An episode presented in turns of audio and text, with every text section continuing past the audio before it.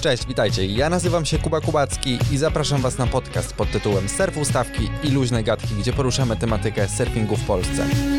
Tutaj poznasz świat surfingu w najmniejszych szczegółach. Dowiesz się jak i gdzie surfować, posłuchasz rozmów z ciekawymi ludźmi, a przede wszystkim mam nadzieję, że miło spędzisz czas.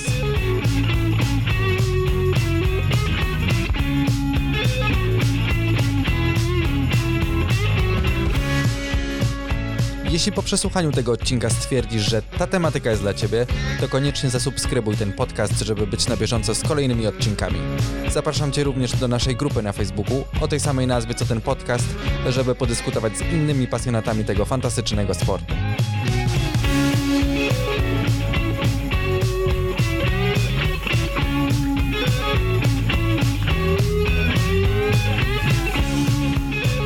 Rozpocząć przygodę z nowym sportem zawsze może na dwa sposoby. Albo samodzielnie ucząc się na własnych błędach, albo z kimś, kto od początku pokaże nam, jak się za to zabrać i przyspieszy nasz rozwój. Nie inaczej jest z surfingiem. Możemy zacząć swoje lekcje na YouTube oglądając liczne poradniki, albo z instruktorem, który w czasie rzeczywistym zadba o nasze bezpieczeństwo, skoryguje błędy i na bieżąco podpowie, jak wybrać odpowiednią falę. To, w jaki sposób zaczniemy, zależy wyłącznie od nas. Natomiast dzisiaj z moim rozmówcą postaramy się pokazać wszelkie za i przeciw w obydwu metodach nauki. Pogadamy o prowadzeniu szkółki, życiu instruktora i o kilku innych tematach, które mogą Was zaciekawić. Moim dzisiejszym gościem jest Krzysiek Sikora, wieloletni instruktor surfingu i współzałożyciel szkółki Learn to Surf w Chałupach. Jest to osoba, która od kilku dobrych lat robi wiele dobrego dla polskiego surfingu, był organizatorem licznych eventów i wydarzeń, o których mam nadzieję, że dzisiaj nam opowie. Cześć Krzysiek. Cześć, miłe wprowadzenie. Dzięki bardzo. Starałem się zrobić jakiś research. no, odrobiłeś pracę domową. tak, aczkolwiek podejrzewam, że i tak y, dużo rzeczy jeszcze, jeszcze nie wymieniłem. A to sobie na pewno przegadamy dzisiaj. Dokładnie. Powiedz na początek y, co nieco, skąd wziął się pomysł na prowadzenie szkółki stricte surfingowej w Polsce, bo chyba nie dla pieniędzy. Tak przynajmniej mi się wydaje. No, chyba tutaj nie, Ameryki nie odkryłeś. Tak, faktycznie trochę tak jest, że um, ciężko wyżyć z tego robiąc tylko i wyłącznie na przykład prowadzić szkolenia surfingowe. Jakby widzę to też po innych sportach, na przykład w kajcie czy w windzie. E, bardzo dużo osób, które ma swoje szkółki, zajmuje się też różnymi innymi biznesami dookoła, typu wiesz, jakaś um, dystrybucja sprzętu, czy organizowanie jakichś wyjazdów i tak dalej. Myślę, że mm, jest to ciężki temat również dlatego, że brakuje nam przede wszystkim w ogóle prognoz E, wiesz, jeżeli chodzi o ileś w ogóle dni jakby w sezonie, w których możesz szkolić, nie? No Więc... No tak, bo fali w, le w lecie jest troszeczkę mniej niż... Powiem ci na przykład tak, w zeszłym sezonie był cały jeden miesiąc, wyobraź sobie cały miesiąc, gdzie nie było praktycznie ani jednego dnia z falą. To był chyba teraz nie pamiętam, lipiec czy, czy sierpień. W każdym razie zeszły sezon był tak, um, wiesz, słaby, jeżeli chodzi o ilość dni z takimi falami, a nawet nie mówię o jakichś większych falach, mówię nawet takich mikrofalach, wiesz, do kolan czy coś, mm -hmm. nie? Takich, które by się nadawały, wiesz, e, do, do, do, do stawiania tam pierwszych kroków i tego po prostu nie było. Wyobraź sobie, że przez cały jeden miesiąc praktycznie, wiesz, siedzieliśmy i no, jakby no nie było, nie było, wiesz, roboty, nie? Więc, więc wydaje mi się, że um, tutaj są jakby dwie drogi. Trochę z jednej strony można to tak traktować jako biznes plus robić coś innego, no chyba, że robisz stricte właśnie e, takie rzeczy jak na przykład obozy, gdzie łączysz surfing, nie wiem, ze stand-up mm -hmm. paddle, z jakimiś jog, wiesz, zajęciami jogi, czy z jakimiś innymi tam zajęciami, przykład deskorolka i tak dalej. Tak dużo szkółek robi. Tylko tak, no myśmy w ogóle obrali też trochę inną drogę, bo e, nie wiem, czy wiesz, ale my mamy tą mobilną, że tak powiem, szkółkę, tak, nie? Czyli tak, mamy, kupiliśmy sobie, wiesz, e, przyczepkę, tam ładujemy sprzęt, idziemy z tym sprzętem na słynny spot Hope 10 i tam najczęściej szkolimy. I mm, jakby, bo twoje pytanie było, dlaczego, dlaczego szkółka, wiesz co? Ciężko powiedzieć w sumie, bo z, założyłem tą szkółkę z moim przyjacielem, z Krzyśkiem Jędrzejakiem, z którym e, znamy się od dziecka, w ogóle od urodzenia praktycznie, także mhm. wiesz, e, gdzieś tam różne rzeczy razem robiliśmy. E, zaczęliśmy też w ogóle surfować już kilkanaście w sumie lat temu w Anglii. Przyjechaliśmy, tak już pokrótce teraz mówię, przyjechaliśmy tutaj z powrotem, zaczęliśmy sobie coś tam pływać, poznaliśmy coraz to więcej ludzi, którzy też pływają, ale wiesz, jakby gdzieś z tego wszystkiego narodził się taki pomysł, chyba trochę nie wiem, tak na spontanie, zajawki czy tak zajawki. I stwierdziliśmy, że w sumie, w sumie to czemu jakby innym nie przekazać tej, jakby tej wiedzy, nie? I, i gdzieś tam e, stwierdziliśmy, dobra, to w sumie spróbujemy, nie? I tak zaczęliśmy sobie robić jakiś tam research, w ogóle co potrzeba do tego. Okazało się, że jednym z wymogów jest jakby zrobienie tego e, certyfikatu. Znaczy inaczej, nie ma wymogów, generalnie nie ma nawet u nas w, Polsce do, do tej pory przynajmniej, nie ma żadnych regulacji, które mówią o tym, wiesz, m, czy może być instruktorem, wiesz, surfingu na przykład i jak, inaczej miałoby to polegać, prawda? Jak rynek jest totalnie, e, że tak powiem, wolny, póki co przynajmniej i wiesz, stwierdziliśmy wtedy, no dobra, ale chcemy od początku trzymać standardy, Zrobiliśmy Jasne. sobie kurs taki właśnie instruktorski w Holandii. I jakby się zaczęło, nie? Zaczęło się Mhm. w ogóle... Kurde, to też y, na zasadzie, zróbmy sobie biznes, nie?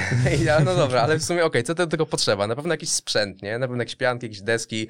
Pierwszy, pierwsze nasze w ogóle lekcje robiliśmy tak, że jeździliśmy moim autem, moim kombi, ładowaliśmy chyba, nie wiem, z sześć desek na dach, słuchaj, wiesz, zapinając je pasami. Mieliśmy tam w wiaderku jakieś tam, wiesz, parę pianek, gdzie udało nam się gdzieś wydębić w ogóle od Decathlonu.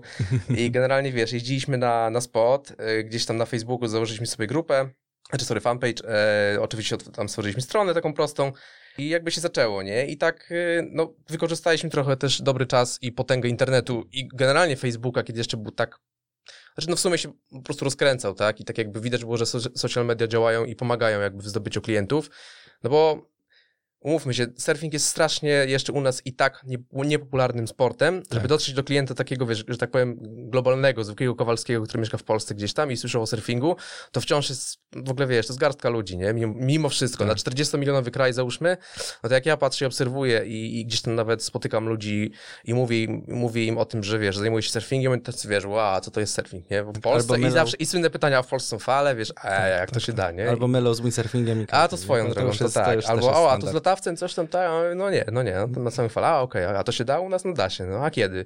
Nie, mówię w lato, a w lato jak to? W lato płasko jest, nie ma fal, nie? I tak wiesz, no standardowo. W każdym razie, do czego zmierzam? E, no tak, no, za, założyliśmy sobie tą szkółkę, ale zaczęło się tam tak fajnie rozkręcać, że co, z roku na rok mm, zaczęło nam jakby, wiesz, coraz więcej ludzi chętnych się zgłaszać. Widzieliśmy ten taki boom, który moim zdaniem od kilku lat już trwa na dobre. Coraz więcej Tak, ludzi się zaczyna, się. tak, e, pasjonować tym sportem i gdzieś tam przyłączyć do tej całej ekipy jakby fasy, em, e, pasjonatów i, mm, i, i gdzieś tam no, to, to się fajnie rozwija. To no, próbowaliśmy jakby kilka różnych modeli, co z tą szkółką jeszcze można zrobić. Idealny model to jest taki, jak siedzisz sobie na kempingu gdzieś tam na chałupach, nie wiem, trzy czy sześć, czy gdzieś tam masz jakąś swoją bazę, no robisz to praktycznie codziennie, tak? I jak nie ma surfa, to idziesz właśnie, wiesz, uczyć dyskorolki tam dzieciaki, Mhm, tak? Jak nie ma mhm. tego, no to idziesz coś innego robić. Ale wiesz, ale gdzieś tam stwierdziliśmy, że dobra, jednak skupiamy się na surfie, robimy w sumie tylko to, jeżeli chodzi o takie rzeczy dookoła. Przez moment próbowaliśmy coś tam z supami robić, jakieś zajęcie z jogi, ale to takie bardziej dodatki, na zasadzie, wiesz, jak Mhm. nie było na przykład fal, no to, to żeby coś robić, nie? Ale ostatnio stwierdziliśmy, dobra, to w sumie to się skupiamy 100% na surfie. I tak też jest jakieś rozwiązanie. No, no. No, to fa- fajnie, bo też, też zauważyłem, tak jest e, na przykład jak hy- hydrosfera robi. E, No, no. Skupiają się tylko i wyłącznie na sportach wodnych, A, no, no, no. e, a zimą na przykład nie, nie, nie, wchodzą, nie wchodzą w surfing. Robią to, co, zna, to, to, co robią najlepiej i, Mhm, mhm. i chyba to też jest kluczem Też do, mi się do, wydaje. do Raz, sukcesu. raz próbowaliśmy zrobić taki nawet surf camp wyja- wyjazdowy, znaczy zrobiliśmy go. Też był super, w sumie wyjazd tego wyszedł na, na Wyspach Kanaryjskich, na Lanzarote. E, No mega w ogóle się wszystko udało, ale biznesowo moim zdaniem strasznie ciężki temat. Organizacja takich surf campów Tak. e, na dłuższą metę Wiesz co? Duże ryzyko. Wiem, znaczy duże ryzyko, no już pomijam nawet czas jak teraz, że generalnie Tak, wszystko trzeba tak, odwoływać. tak, tak. Ale wiesz, żeby na tym coś tam sensownego jeszcze zarobić, to nie wiem, może każdy ma jakiś tam swój model na to. My stwierdziliśmy, że w sumie, jak wiesz, jakby skupiamy się na, na sezonie, na szkoleniu tutaj i tam gdzieś tam fajnie wychodzi, nie? Jasne. A powiedz, a jesteś w stanie oszacować, ile mniej więcej osób szkolicie, nie wiem, rocznie, albo ile przeszkoliliście w ogóle? Powiem ci tak, sezon, e, właśnie bardzo, to co mówiłem wcześniej, bardzo dużo zależy od, od warunków, nie? I by, były sezony, i to tak parę wstecz. My w ogóle szkółkę już mamy gdzieś tak od chyba, a musiałem dzisiaj sprawdzić, bo nie pamiętałem, od 2016 roku, Aha. czyli w sumie 4 lata. E, I były sezony takie pierwsze, gdzie żeśmy jeździli, to powiem ci, że dużo częściej te warunki się e, gdzieś tam zdarzały i średnio, a nawet robiłem sobie statystyki i tak mi wyszło, że średnio dwa czy trzy razy w tygodniu, a nawet więcej, można było śmiało, wiesz, brać ludzi na takie zajęcia, gdzie rzeczywiście oni mogli popływać na tej desce, coś tam wyciągnąć z takich zajęć i miało to po prostu sens, nie? I, i takich zajęć odbywało się rzeczywiście te dwa, trzy razy w tygodniu albo i częściej. Ostatnio trochę rzadziej. Mam wrażenie, że coś dziwnego, nie wiem, czy to jest wyjątkowe, takie lato było słabe. Mam nadzieję, że to nie jest taka tendencja. Zobaczymy, jak w tym roku będzie. Natomiast średnio u nas sezon, można powiedzieć, że trwa od czerwca do września. Aczkolwiek można to spokojnie przedłużać na październik, bo woda po prostu jeszcze jest ciepła, Tak. nie? Powietrze jest ciepłe, woda jeszcze jest ciepła. Jak ma powyżej tych tam e, kilkunastu stopni, to śmiało można, wiesz, wbijać do wody i uczyć.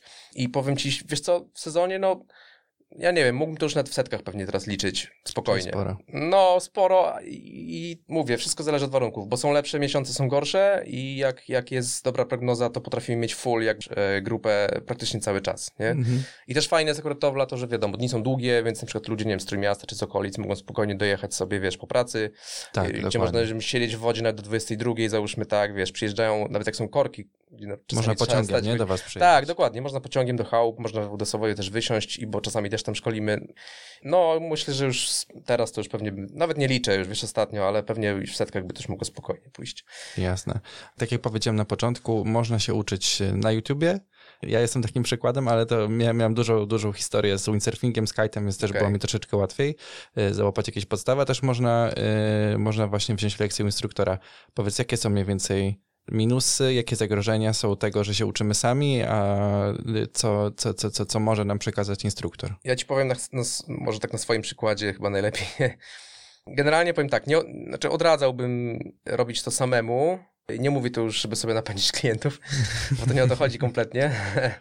E, Bardziej chodzi o coś takiego, wiesz co, ja ci powiem tak, my, jak myśmy zaczynali właśnie z, z Krzyśkiem te kilkanaście lat temu, to myśmy zaczynali w Anglii i też wzięliśmy sobie taką lekcję w lokalnej szkółce, e, taką typowo półtora godzinną lekcję, wiesz, w ogóle totalnie zajarani, w ogóle kosmos, nie? Tak. Idziemy do tej wody tam z tą całą ekipą, ten instruktor idzie z nami, no w ogóle mistrzostwo świata, nie? I tam wchodzimy do tej wody, tam sobie pływamy, mija półtorej godziny, wiesz, cali w ogóle, no banan na ustach, w ogóle, wiesz, przez następny, do końca dnia byliśmy tak zajarani, że stwierdziliśmy, dobra, Tak, początki są piękne. ale słuchaj, najlepszym i, i właśnie i do czego zmierzam sobie, co myśmy zrobili, oczywiście największy błąd, który widzę, że mnóstwo ludzi popełnia ten sam błąd, e, praktycznie następnego dnia, wiesz, nie mając prawie w ogóle nawet kasy, myśmy tam pierwsze miesiące nie pracowali.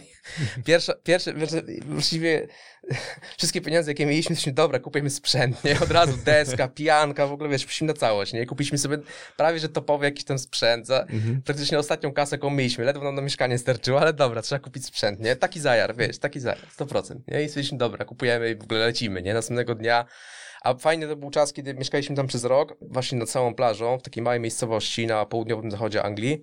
Na urlopie dziekańskim byliśmy obydwoje, nie? Więc Mhm. mieliśmy full wolnego czasu i, i, i po prostu zajawa 100%, nie? I tak jakby e, gdzieś tam, no nie wiem, może to wynikało też trochę z tego, że jesteśmy trochę takimi też samoukami, stwierdziliśmy, dobra, lecimy, nie? Kupiliśmy sobie ten sprzęt i zaczęliśmy pływać, nie? Minęło ileś tam miesięcy, no i no, było super, nie? Była zabawa, no nikt nie powiedział, że, że się nie bawiliśmy dobrze, nie? Wiesz, może czego nam zabrakło, no to oczywiście progresu i teraz powiem właśnie, jakby największy błąd i największą dzisiaj po tylu latach widzę e, wadę tego wszystkiego jest to, że właśnie te ileś lat, to jest to, te ileś lat straconych, bo tak naprawdę co ja powinienem zrobić, czy co myśmy powinni zrobić, to pójść następnego dnia do tej samej albo do innej szkółki i powiedzieć, dobra, coś tam już, wiesz, liznęliśmy tematem w zasadzie podstaw, takich totalnie podstaw, nie? Że tam, wiesz, wiosłujesz, staniesz sobie na Mhm. desce, popłyniesz na tej pianie do przodu i jest super, nie? I nie wiem, no stwierdziliśmy, dobra, no to pewnie to o to chodzi. A tu się okazuje, że można było z tego wyciągnąć dużo, dużo, dużo więcej. Przez ten rok, który myśmy tam siedzieli, gdybyśmy tylko poszli do jakiejś lokalnej szkółki jeszcze raz, albo i kilka razy, wzięli jakiegoś instruktora, powiedział nam, dobra, słuchaj, no to tam nam fajnie wyszło, a teraz co dalej, nie? Na przykład, wiesz, co zrobić, żeby tam jakieś manewry na fali zrobić, nie? Ale w sumie stwierdziliśmy, a to Wiesz, Jest wydaje tak- się tak, proste, tak, jest nie? fajnie. Jest fajnie, jest zajawa, w sumie czemu, czemu nie, nie? Czemu, po co nam to, nie? No, sami ogarniemy, nie? Spoko. I tak, no, lata mijały i to były moim zdaniem naprawdę na maksa błąd, który po prostu, no, dzisiaj bym go na pewno nie powtórzył i moje pływanie i mój poziom jakby zajawy pewnie byłby dużo wyższy i dużo większy, gdybym wtedy jakby się skupił na tym, że, że ten sport to jest jednak, no, to są, to są naprawdę lata praktyki Mhm. i można było to zrobić, a myśmy to już tu przegapili. I dzisiaj e, to samo właśnie mógłbym powiedzieć wszystkim, które nawet, którzy nawet nas będą słuchać, to jedna właśnie rada, jakby warto, naprawdę na maksa warto skorzystać z tej wiedzy instruktorskiej, bo to czasami są, słuchaj, detale, które ktoś ci jest w stanie powiedzieć, yy, dwie, trzy wskazówki i ty to zaczynasz robić na wodzie sobie mówisz, kurde, w sumie się da, nie? I w ogóle, wiesz, twój poziom wzrasta nagle o, w ogóle, wiesz, o ileś tam 1000%, poziomów, tak? no.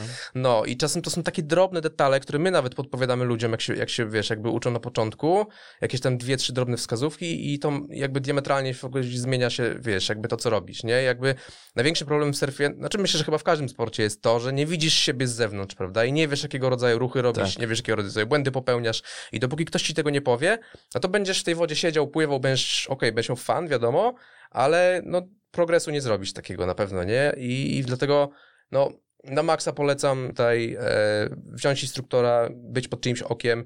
Widzę też, wiesz, co, co się u nas dzieje często na, nad naszym polskim morzem. Mm, Da się zauważyć coś takiego, że jakby szkolą ludzie, którzy no nie mają tych certyfikatów, a wiem, no bo to jest wciąż małe bardzo grono u nas, Mhm. to zaledwie kilka osób załóżmy, czy tam kilkanaście może już teraz.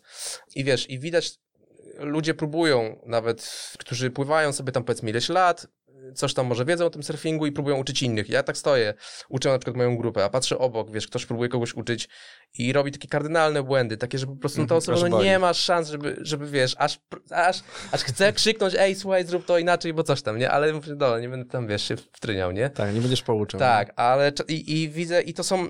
I wręcz może to kogoś po prostu zrazić tego sportu, bo stwierdzi, że jest za trudny, że to się nie da, nie? Że on nie wstanie Mhm. na tej desce, bo, bo wiesz, bo coś mu tam nie wychodzi, nie wie w sumie dlaczego. Niby miał kogoś, kto mu pomógł, ale jakby nie do końca ta osoba też umiała tę osobę nauczyć i tak wiesz, i szkoda, nie? A mógłby załapać zajawę i, i, i po prostu chociażby dlatego warto, nie? Że, że można jakby ten sport poznać naprawdę z, z fajnej strony, a powiem ci, że jakbym miał ten procentowo powiedzieć, to chyba z 90% ludzi, którzy biorą u nas lekcje, czy nawet nie mówię u nas, mówię ogólnie o szkółkach, które mają takich porządnych instruktorów, Mhm. to chyba z 90% ludzi, którzy biorą pierwszą lekcję, już po tej pierwszej lekcji najczęściej są w stanie po prostu, wiesz, stać na desce, popłynąć, a często nawet już poskręcać sobie gdzieś tam, wiesz, lewo, prawo. Także to jest wszystko do zrobienia, tylko no, tak jak mówię, najlepiej się zgłosić do szkółki i po prostu, wiesz, Jasne. skorzystać, bo to, bo na maksa warto, bo ten sport to są, mówię, to są nieustanne godziny, po prostu trzeba spędzić na wodzie, żeby do jakiegoś tam poziomu dojść, nie? Jasne, ja się zgadzam w 100%. Też po sobie widzę to, że jak, jak próbowałem, no to, No. e, to mogłem dojść do pewnego poziomu po jednej godzinie, tak jak, tak jak No. gdzieś tam moi znajomi, że po prostu wzięli sobie lekcję i pierwszego dnia pływali, a my takie oczy, jak to jest możliwe, No, żebyście no. już pływali po pierwszej godzinie? No jak dokładnie, o to chodzi, jak ja spędziłem z 3-4, żeby, Tak, żeby, żeby załapać. tak, no, także to e, jak, jak najbardziej się zgadzam. Tak jak chyba mówiłeś, że w każdym sporcie tak jest, czy na nartach, czy na tak snowboardzie. to... Akurat na snowboardzie też śmiesznie, bo się też uczyliśmy z Krzychem i też tak wiesz, samouki, wchodzimy na ten, taką już taką, wiesz, taką małą góreczkę, jeździmy, coś tam próbujemy, nic tam nie wychodzi, tam po prostu krecha w dół, nie, byle lecieć, zajar 100%. No i taki gościu nas tam zaobserwował, mówi, widzi, że po prostu, wiesz, no masakra, nie? I sam chyba był jakimś instruktorem czy coś, podszedł, mówi, dobra, zaczęliśmy z nim gadać, mówi, dobra, to weź nam pokaż, co tu trzeba zrobić, nie? I tam, wiesz, dwie, trzy, dwa, trzy słowa, powiedział, dobra, chłopaki, jedźcie, nie? Pokazał, faktycznie, nie? Zaczęliśmy skręcać, w ogóle, wow, nie? Mhm. Więc ma to sens, nie? Ma to sens, jak najbardziej. A są jakieś przeciwwskazania? Ktoś nie powinien y, surfować? Nie wiem, ktoś, jak ktoś jest nie wiem, za, za gruby, za chudy, y, czy to jest i dla kobiet, i dla mężczyzn, czy, czy na przykład czy jest jakiś limit taki wiekowy, do którego można, y, można surfować? Wiesz co, nie, powiem ci szczerze, to mm, nie ma. Znaczy, generalnie wiadomo, no, rocznego dziecka nie nauczysz pływać, ale już takie 3-4 lat, no może 3 to nie, ale powiedzmy 4 czy 5 latki już spokojnie, wiesz, na desce dają rady. Dzisiaj w ogóle oglądałem filmik taki, gdzie, wiesz, małe dziewczynki 13-letnie, jakieś takie zawody były na wavepoolu sztucznym Mhm. i po prostu, wiesz, ery, nie, latały na tych falach. Ja, wiesz, szczęka mi w dół, ja okej, nie, spoko. 13-letnie, wiesz, dziewczynki małe. w ogóle co, to, co wiesz, ma, ma, małe dzieciaki szczególnie potrafią robić, to jest, to jest szok, nie? Więc im wcześniej, moim zdaniem, tym lepiej. I im wcześniej dzieciaki jesteśmy w stanie zarazić tym sportem, a mają wtedy jeszcze one, wiesz, dużo lepszą jakby wydolność, kondycję i tak dalej. I w ogóle też strach mniejszy przed tymi falami, mi się wydaje. Tak. Tym, e, tym lepiej. A, a jakby tak, tak jak pytałeś o ograniczenia, wiesz, nie wiem, waga, czy, nie ma ograniczeń. Tak, tak naprawdę ten sport jest dla każdego. Ja, my też mieliśmy już tak przeróżnych ludzi, słuchaj, większych, mniejszych, właśnie prze- przeróżnej postury i jakby wszyscy mają ten sam poziom zajawy i tutaj nie ma rozgraniczeń, czy to jest osoba taka, czy inna, wiesz, tak jakby bywałem gdzieś tam na świecie na różnych spotach, to nawet no 70-letnie, e, wiesz, kobiety potrafiły też, czy tam nawet nie wiem, ciężko określić wiek oczywiście, ale widać było, że babka starsza, tak? Mhm. Ale po prostu taki poziom i tak w ogóle dawała radę, że ja byłem w szoku, nie? Jakiś spot na rafie, które nie są to łatwe spoty zazwyczaj, bo te fale są dosyć mocne. Babka tam tak dawała radę, że po prostu, wiesz, i wszyscy dookoła tym brawo bili, no szacun 100%, nie? Także ten sport jakby, wydaje mi się, nie ma ograniczeń i co jest fajne, że jakby tutaj każdy może to robić i co jest jeszcze fajniejsze, że można to robić u nas, nie? Czyli tak jakby, no nie musisz jechać na ocean te ileś tysięcy Tak. kilometrów, możesz spokojnie, wiesz, tutaj, no oczywiście jak są fale, wiadomo, ale jak są, to, to śmiało, śmiało można korzystać, nie? Ja też ostatnio oglądałem taki film na e, Netflixie e, o tym, jak pomagają weteranom wojennym, jak, jak, jak powrócili z, A, słyszałem wojny. o tym, tak. jakby wychodzi z, z depresji y, po, po wojnie, ucząc ich surfingu i faceci, którzy nie mieli na przykład ręki, nogi, Mhm. też pływali i po prostu, jeżeli ktoś ma jakieś wątpliwości, czy się da, to, Da to, się, to warto, no. warto obejrzeć ten, ten, ten Jak najbardziej, jak i- najbardziej. Dobry lek na, na każdy stres. Tak, tak, dokładnie, dokładnie. Wspomniałeś chyba też o bezpieczeństwie na wodzie. To chyba też jest takie dość, dość istotne, taka lekcja, którą y, powie ci instruktor, czego unikać. Y, Jeżeli wchodzisz sam, sam pierwszy raz do wody, to no, jest dużo zagrożeń. Tak? Nie, nie wiesz, jak w pewnych sytuacjach się zachować. I powiedz taki podstawowe rzeczy na temat bezpieczeństwa, jeżeli ktoś chciałby zacząć się uprze, że nie, ja, ja, chcę, na, ja chcę z YouTube'a, Mhm. to na co koniecznie e, musi zwrócić uwagę. Wiesz co, no jest taki, mm, ja w ogóle kiedyś zrobiłem taki, nazwijmy to wykładem, zorganizowałem takie spotkanie dla, w zasadzie dla każdego, e, właśnie e, o zasadach bezpieczeństwa. W ogóle fajnie, bo sala była pełna, pełno ludzi przyszło, wszyscy jakby skorzystali. Moim zdaniem takich w ogóle mm, jakby spotkań przydałoby się pewnie i więcej. Ale tak naprawdę tych informacji jest całe mnóstwo w internecie, jakby przewijają się te obrazki non-stop o, o kilku takich podstawowych zasadach bezpieczeństwa, szczególnie jakby na wodzie, jak już jesteśmy dalej napie z innymi, E, Bo już nie mówię o zagrożeniach takich typu jakieś tam prądy czy coś, wiesz, bo to wiadomo, Mhm. no, woda jest, jest jaka jest, potrafi mieć jakby, wiesz, ym, wszystko zależy od warunków oczywiście, na jakie wchodzimy, czyli w ogóle taką powiedzmy, no taką i tak fundamentalną zasadą pewnie byłoby to, że po prostu wchodzisz na plażę, obserwujesz przede wszystkim, co się dzieje w ogóle na wodzie, czyli gdzie ludzie pływają, czy pływają, czy wiesz, nie jest za mocno, jak jest za mocno, to po prostu nie wchodź, tak, trzeba nauczyć się na pewno takiego oszacowania w ogóle, wiesz, spotu, gdzie wchodzimy e, i czy jesteśmy, wiesz, tam sami, czy z kimś, dać sobie zawsze te parę minut na ocenę w ogóle tego, co się dzieje na wodzie, nie? I tak jakby mi się wydaje, że to jest taka fundamentalna rzecz, że przyjeżdżamy, patrzymy i, i wiesz, i gdzieś tam wyciągamy jakieś tam wnioski, czy ja wejdę, czy nie wejdę, czy jest za grubo dla mnie, czy nie jest za grubo, jeżeli jest za grubo, to może poczekam, może gdzieś jakiś kawałek dalej jest jakiś lepszy spot, który będzie bardziej dla mnie i tak dalej, więc takie pierwsze oszacowanie z brzegu to wydaje mi się jest taka podstawa, żeby na dziko nie lecieć po prostu, patrzę, że ludzie pływają, okej, to ja też wbijam, nie, ale się okazuje, że fale są tak silne i tak mocne i tak duże, że no, zdarzają się przypadki, na przykład ktoś wchodzi do wody, ale nawet nie jest w stanie wyjść za ten przybój, bo jest tak silny i tak mocny, że Mhm. jego impreza kończy się po pięciu minutach, on wycho- wychodzi z wody, wraca do auta idzie do domu, no bo tak naprawdę widziałem takie przypadki i tak jakby właśnie zabrakło tej, tej oceny, nie, z brzegu I, i, i to jest myślę jedna rzecz. Druga rzecz, to są, to jest taki zbiór, no taki kodeks, no nazwijmy to, to jest taki zbiór jakby um, takich kilku zasad, które funkcjonują na całym świecie, w całym świecie surfingu i to się dotyczy w zasadzie nie tylko surferów, ale tak naprawdę też wszystkich osób, które są na wodzie, bo trzeba pamiętać, że dzisiaj surfing to już nie tylko Inaczej, dzisiaj mm, jakby spot, na którym się pływa na desce, to już nie jest tylko surfing, tam masz też Mhm. bodyboarderów, masz kajakarzy, masz e, ludzi na supach, e, nie wiem co tam jeszcze. Na kajcie czasami też się trafi. Na przykład, dokładnie. No i, i wiesz, i to już jest całe grono osób, które bardzo często, zwłaszcza u nas, gdzie mamy tak mało tych miejsc i tak wąskie są te, mm, e, wiesz, te, te miejsca, e, w, w których można w ogóle startować do fali i tak dalej, jest ich tak mało, że, jak jest dobry dzień oczywiście, że, że wszyscy Mhm. siedzą na kupie, no i są oczywiście, e, e, są takie mm, podstawowe zasady bezpieczeństwa, których nie wszyscy lubią przestrzegać, bądź zapominają, bądź nie wiedzą, Albo nie chcą. albo nie chcą. I ja już byłem raz, niestety doświadczyłem na własnej skórze, po prostu gdzieś tam płynąłem na fali, tam powiedzmy spadłem z tej deski, no i pod wodą, czyjąś deską w ogóle w łeb dostałem w tym momencie, nie? I parę centymetrów od oka, nie? Gdzieś tam tutaj na Jest czole. zdjęcie na, waszej, No, na waszym no, profilu. no dokładnie. Jakby ktoś chciał zobaczyć, to podeślemy link. I- Tak, i, i wiesz, zdarzają się takie sytuacje i to wszystko wynika właśnie z tego, że jest walk, jest dużo ludzi w jednym miejscu w tym samym czasie i nie każdy właśnie o tych zasadach jakby pamięta. I ja zorganizowałem takie spotkanie, okej, ale to było parę lat temu i na moment może coś to dało, ale patrzę dzisiaj, że jakby no niestety to by trzeba pewnie na okrągło ludziom przypominać. I taka główna zasada to jest tak naprawdę, to jest, to jest kilka punktów, nie? Mamy główną zasadę, która mówi o tym, że to jest w ogóle najświętsza zasada, jeden surfer na fali, nie? Tak jakby Mhm. nie ma szans i nie ma możliwości, żeby były dwie osoby na jednej fali. Mówię o w jednym kierunku oczywiście, nie? No bo Mhm. fala może być tak zwana A-frame, czyli ona się złamie, pójdzie w dwie strony. Na jednej stronie będzie jeden surfer, na drugiej stronie będzie surfer, będzie wszystko super. Ale jeżeli jeden, jedna osoba startuje do fali, to druga osoba, która gdzieś tam, nie wiem, startuje przed nim czy za nim, no nie ma w ogóle szans, ona powinna odpuścić automatycznie i w ogóle nie dopuścić do sytuacji, że dwie osoby są na fali. Bo to jest najgorsze, największa frustracja z tego wynika, jak ktoś komuś po prostu zapływa falę w ten sposób. To się zawsze źle kończy.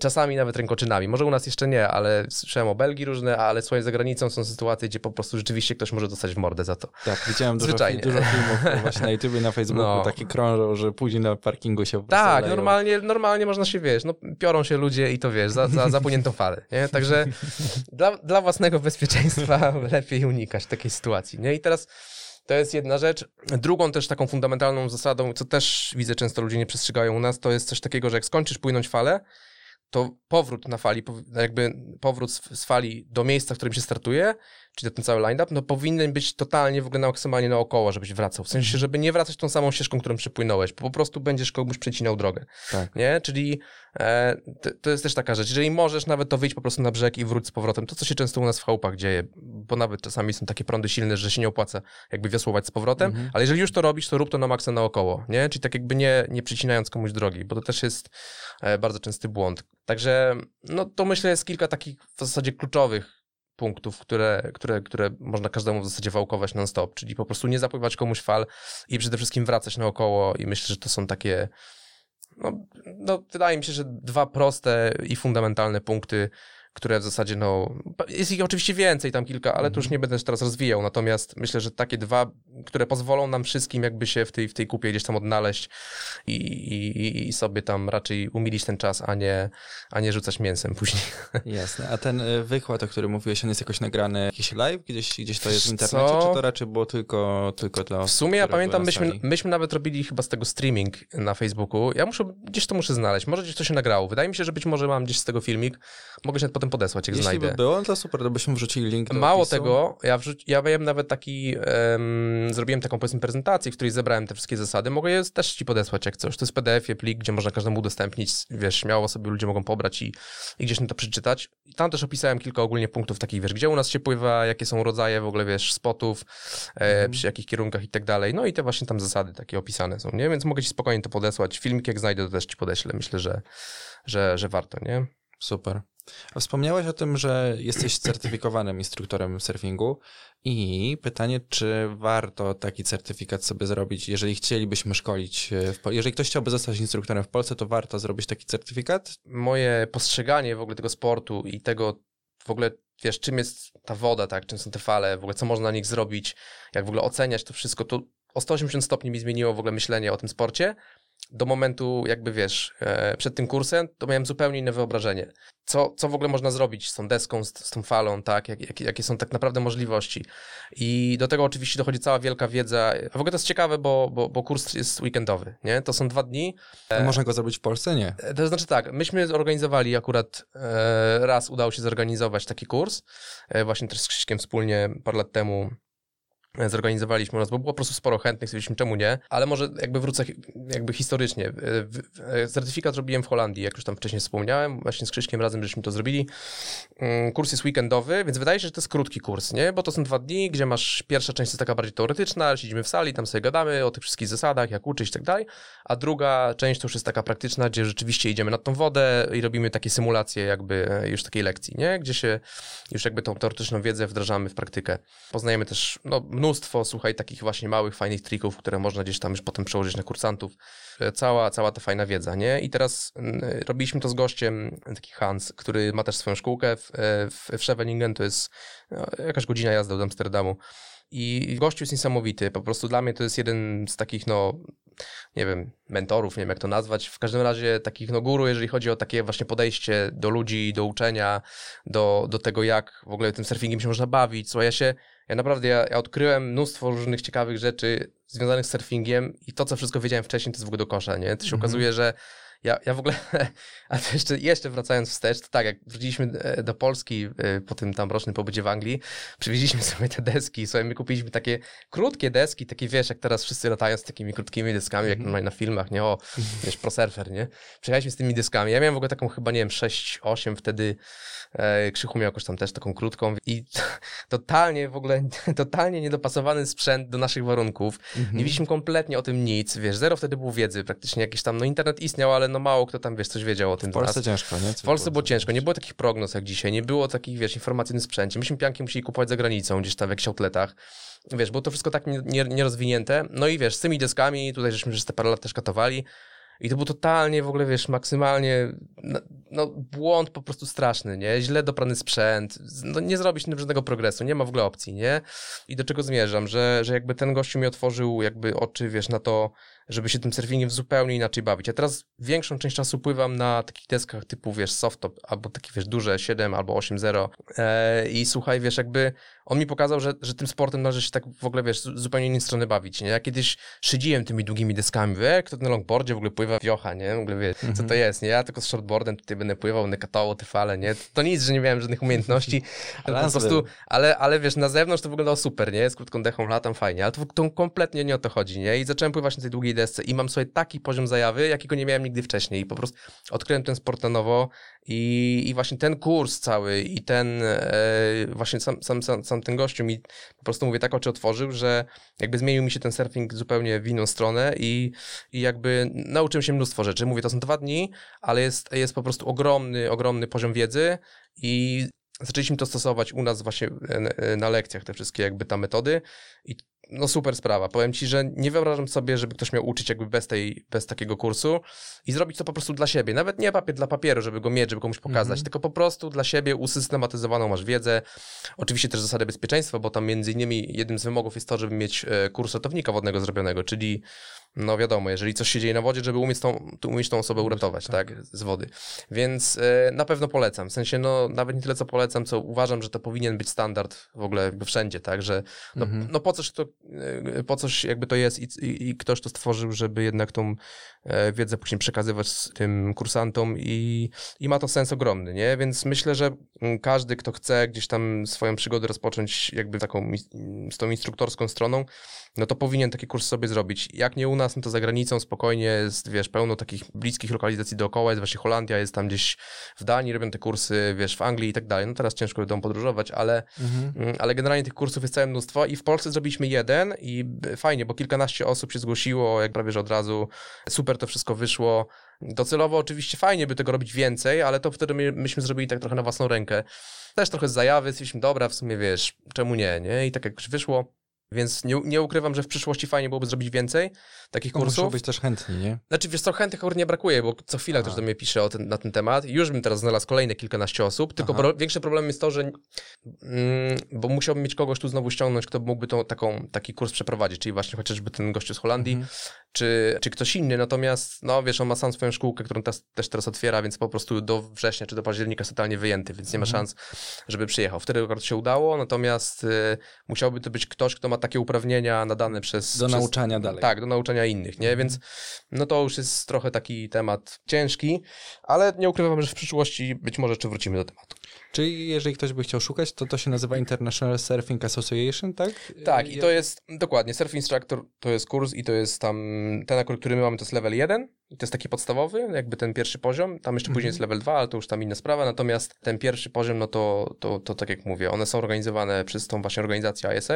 A orga, znaczy organizowane, znaczy jakby inaczej. Oni wydają certyfikaty, a organizują to dane kraje jakby w porozumieniu z ISA, nie? W Jasne. ten sposób. Ty, nam w ogóle, powiem Ci, ten certyfikat, żeby zdobyć, zajęło chyba z pół roku albo i więcej, albo może nawet i rok. O, To jest, sporo. o, ogólnie to jest od samego kursu, jak go odbędziesz, do momentu, kiedy dostajesz certyfikat, musisz spełnić te wszystkie wymogi i no trochę to trwa, nie? Więc jakby Mhm. to, ale gra jest warta świeczki, bo sam kurs nie jest jakoś tam super drogi, on kosztuje chyba tam z 300 euro, już teraz nie O. pamiętam ile dokładnie, więc nie jest jakoś super drogi, ale na maksa się przydaje. W ogóle taki ciekawy zresztą przykład, słuchaj, na, na kursie, który żeśmy tu zorganizowali w Chałupach, była spora grupa ludzi i pamiętam, idziemy, i w ogóle też mieliśmy mega farta, żeby, żeby trafić w ogóle w ten dzień, bo jednym z wymogów też jest to, że ten jakby e, instruktor e, musi zobaczyć, jak inni pływają, czyli tak jakby no muszą, musi on zobaczyć, czy oni w ogóle sami pod, podstawowe rzeczy potrafią zrobić Czyli na nie fali. możesz ściemniać, że No tak, nie. ja pływam, panie. No nie, tam nie ma ściemy, tam nie ma ściemy i generalnie musi to zweryfikować i faktycznie, i słuchaj, i, i to wyglądało w ten sposób, że mm, po, e, wszyscy, wiesz, jakby się ubrali w pianki, wzięli deski i poszliśmy na plażę, do, właśnie tam w chałupach. Mieliśmy mega farta, że tego dnia w ogóle były jakiekolwiek fale, jakiekolwiek, bo kilka dni wcześniej czy później byłoby płasko. Ale najlepsze jest to, że wszyscy wchodzą, pamiętam, na plażę, wszyscy w ogóle beka, nie? Kurde, cokolwiek wiesz, co to, co to za fale, nie? Przy tu fali nie ma, nie? Jakby to chodźcie może na zatokę, ha, ha, ha, nie? I tam wiesz, beka, nie? A, tak, a ja już wiedziałem, nie? I widziałem też Hansa minę i Hans właśnie taki gdzieś tak patrzy na nas, nie? Mówi, że no, to zaraz zobaczymy, nie? I sobie fale, okej, nie były duże, nie? I faktycznie nie były jakieś tam super. Był, no to był taki bardzo mały w sumie warun. Ale słuchaj, to co ci ludzie później zaczęli robić na tych falach, w sensie był taki poziom zajawy, że później nie dało się ich wyciągnąć z wody z powrotem. Czyli się okazało, że się da, nie? Tak. I właśnie ten kurs między innymi zmienia to, że idziesz na plaży, patrzysz, no w sumie, kurde, gówniane małe fale, nie, to jadę do domu, nie ma sensu, nie? A można wziąć większą deskę, e, z większą wypornością, wiesz, wejść do tej wody i zaraz się okazuje, że w ogóle wow, nie? Że w ogóle, wiesz, kurde, da się, nie? I zajawa, i tam przez godzinę katowanie, fala za falą i wiesz, te kilkanaście osób po prostu, no nie chciało wyjść z wody, nie? Tak, to jest- Niesamowite. A wcześniej się, wiesz, wszyscy śmiali z plaży, że o, co my tu będziemy robić, nie? Chyba, kurde, grzyby zbierać, o. To jest, Wiesz. z Filipem rozmawialiśmy w pierwszym odcinku No. o tym, że faktycznie no i widzisz, widzisz tam na prognozie ten metr, przyjeżdżasz, Tak. myślisz, że jest mniej niż metr, Tak, ale tak, tak. naprawdę jak wchodzisz, to, to, to jest całkiem I fajnie. właśnie o to chodzi, dokładnie. I mi, bo tak jak mówię, mi personalnie to na przykład dało dużo do myślenia, że, że jakby o, umiejętność oceniania w ogóle tego, co faktycznie jest na wodzie, nie? I, I dzisiaj ja wchodzę prawie, że na każdy taki walon. No może już teraz trochę mniej, ale, ale jeszcze jakiś czas temu rzeczywiście wchodziłem na każde najmniejsze fale, żeby się po prostu pobawić tym. Totalnie zajawa 100%. A to nie muszą być wielkie fale, tam, wiesz, do głowy czy ponad głowę, że w ogóle, o, że tam teraz będę w, Tak. tubach, w tubach pływał, nie? Równie dobrze jest zajawa, jak pływasz sobie na falach do kolan, nie? Na, Tylko, dużej, że na dużej desce. musi być dobra na deskę. Oczywiście nie? musi być dobra na deska, ale da się tak samo bawić i to jest, jak mi się wydaje, że klucz do tego, nie? Żeby to zrozumieć, że, że można się bawić na tych falach w przeróżny sposób. To nie musi być zawsze super największa fala, w ogóle wiesz, krótka deska, ja tutaj weźmy to z pro surfer, nie? To w ogóle jakby kompletnie nie o to chodzi w tym wszystkim, nie? Mhm. Znaczy, każdy się bawi na swój sposób tak naprawdę. Też nie mogę komuś mówić, jak ma jakby Jak ma sport żyć. Jak ma żyć, nie? Ja mówię, ja mówię o swoim przykładzie, że, że u mnie tak to zadziałało. Też kiedyś miałem postrzeganie takie, że ja nigdy więcej, nigdy bym nie, nie wszedł na długą deskę, nie? To jest w ogóle pff, dla kogo to, nie? A teraz się okazuje, że praktycznie większą część roku pływam tylko na, na dużej desce, czy na bardzo wypornej desce i, i mam super w ogóle z tego zabawę, nie? Moja krótka deska gdzieś tam leży, w ogóle w pokrowcu na balkonie i jakby nie ruszam jej od już dłuższego czasu. Nie wiem, czy mam wosk jeszcze chyba letni. no. No tak, a powiedz, bo znalazłem coś takiego y, jak Polski Związek Surfingu. Co, o, o co chodzi? Bo wiem, że jest Polski Związek Windsurfingu, oni tam organizują, oni tam mają coś tam związanego z olimpiadą i tak dalej. Kitesurfing też chyba coś tam y, ma jakąś swoją organizację, a, a surfing y, wydaje mi się, że no, jest to strasznie mały sport. I pytanie, co, co taki Związek Surfingu y, robi? Czym Znaczy- się zajmuje? Jeszcze, chyba- nie, i- jeszcze nie. I chyba też tam y, jesteś jakimś członkiem, tak? Tak, wiesz co, jeszcze się niczym nie zajmuję, bo my się dopiero organizujemy, słuchaj, od ponad roku już. Powiem ci tak, związek powstaje dopiero, Okej. tak naprawdę. On jest na Facebooku, ok, jest tam gdzieś sobie bardziej wirtualnie, ale jakby formalnie dopiero się zakładamy i faktycznie gdzieś tam był taki jeden zjazd w zeszłym roku, gdzie zjechało się w sumie całkiem sporo ludzi, bo zebrało się kilka stowarzyszeń mm, z całej Polski. Czy mam chyba teraz sześć albo i więcej, to mamy tam bałtyckie stowarzyszenie, jest jakieś tam śląskie stowarzyszenie, mamy zachodniopomorskie, mazowieckie, polskie stowarzyszenie surfingu i tak dalej, i tak dalej. I e, chodzi o to, że jakby z prawnego punktu widzenia jakby założenie było takie, że przynajmniej trzy jakby stowarzyszenia muszą się za, zawiązać, żeby móc stworzyć związek. To jest tak bardzo ogólnie teraz powiedziane, bo oczywiście cała procedura, jak widać zresztą po czasie trwania, jest dużo dłuższa i dużo bardziej zawiła. Natomiast w dużym uproszczeniu to działa w ten sposób, że zbiera, zbierają się trzy jakby stowarzyszenia i jakby tam formalnie e, mogą gdzieś tam wnioskować o taką rozpoczęcie procedury rejestracji związku nie? w KRS-ie. I teraz spotkaliśmy się raz w takim bardzo dużym gronie, sporo osób przyjechało do Warszawy, mieliśmy fajne spotkanie, takie wiesz, bardzo tam burzliwe, w ogóle burza mózgów, o co, jak, to, co, wiesz, no po prostu żeśmy tam parę godzin spędzili i no minęło trochę czasu, okazało się, że rozbiliśmy, się trochę od takich no murów po prostu proceduralnych, tak, czyli no em, mieliśmy koleżankę Hanię, która e, zrobiła moim zdaniem no, bardzo dużą pracę jakby prawniczą, ale jakby w sumie nam od początku powiedziała, że no nie jest, no robiła to oczywiście tam powiedzmy pro bono, ale nie, nie jest jakby specjalistką jakby od, od tej strony takiej sportowej, nie, czyli ona trochę się jakby innym rodzajem prawa zajmowała, natomiast stwierdziła, że nam pomoże i w sumie fajnie wyszło, do momentu, kiedy no gdzieś tam rzeczywiście doszliśmy już naprawdę do takiej ściany, że no, no musimy jakby zatrudnić specjalistę w tym momencie, żeby nam pomógł przejść dalej. I jakby no procedura trwa, związek się zakłada i cele i pomysły na to mieliśmy naprawdę fajne i duże i tak jakby chcemy gdzieś tam w tym związku zrobić dużo fajnego i można moim zdaniem dużo fajnego zrobić dla, dla, dla, wiesz, dla całej rzeczy ludzi i można, mówimy tutaj o, o założeniu, że tam w przyszłości fajnie by było oczywiście, wiesz, kadry takiej nawet narodowej, powiedzmy, którą można by wysyłać na zawody, na, na zgrupowania, no taki sport z prawdziwego zdarzenia, tak, Czyli, no, bo, bo tym w sumie surfing dzisiaj jest, to są, na świecie to są, wiesz, to są atleci jak każdy inny, już pomijam fakt, że jest na olimpiadzie, Natomiast jeżeli chodzi o, o zawody, o przygotowanie do tego, to, to, to masz tak samo sztaby ludzi, którzy przygotują zawodników, wiesz, od przygotowania motorycznego i tak dalej. I to są, to są, wiesz, to są tysiące w ogóle, wiesz, złotych wydanych na, na, na, na, trenerów, na podróże, na całe to przygotowanie i tak dalej. I to już jest taki pełnoprawny, e, jakby, no, z prawdziwego zdarzenia sport, że dzisiaj uważam, że jest sens zakładać związek i jest sens coś z tym zrobić, bo, bo, bo, bo możemy. Mamy obecnie może nie za wiele jeszcze jakby zawodników, którzy jeżdżą i, i gdzieś tam startują w zawodach. I, ale mogłoby być tego więcej zdecydowanie, nie? I wydaje mi się, że patrząc po determinacji tych młodych chłopaków, którzy po prostu, wiesz, ducha swojego zostawiają w tym sporcie, Mhm. a gdyby dołożyć do tego tą całą organizację, dołożyć do tego, wiesz, e, jakiś tam powiedzmy sponsoring, Fundusze, fundusze i można by moim zdaniem zdziałać dużo więcej, mm, chociażby właśnie wprowadzanie standardów, tak, czyli żeby takie kursy na przykład instruktorskie odbywały się regularnie, żeby tu zrobić w ogóle zawody Mhm. lokalne, nie tylko raz w roku, ale na przykład e, zrobić kilka przystanków wzorem z tego, co mamy za granicą. Byłoby do roboty jakby tutaj dużo, nie? I, i jakby założeniem tego związku właśnie było gdzieś tam no, jego też upowszechnienie. To wszystko jest przed nami, natomiast no teraz jesteśmy oczywiście w, naj, w najbardziej nudnym czasie, czyli jakby z zewnątrz wygląda, że się nic nie dzieje teoretycznie, ale tak naprawdę no gdzieś tam Gdzieś tam ktoś pracuje na tym. pracuje, tak staramy się jakby wiesz, rejestrować to i, i, i zobaczymy co dalej. Mówię, plany są, ludzi jakby chętnych do pomocy i do, wiesz, jakby do współtworzenia tego nie brakuje. Mam nadzieję, że to się rozwinie w jakąś fajną stronę i jakby wiem, że to potrwa jeszcze trochę czasu, ale myślę, że warto, bo widzę, że, że, że można dużo fajnego jakby zrobić w tym, w tym kierunku, nie? Jasne, szczególnie właśnie, że wspomniałeś o olimpiadzie, że będzie ta lim- olimpiada niedługo. Czy jest szansa, że zobaczymy tam kiedyś Nie, wiesz co, znaczy powiem ci tak, bo w ogóle jakby mm, może wyjaśnię od razu na szybko o co chodzi. E, Przynajmniej na razie zrobili to w ten sposób, że jako, że to jest nowy sport, no to musi oczywiście wymyślić jakieś zasady kwalifikacji, kto tam w ogóle może startować.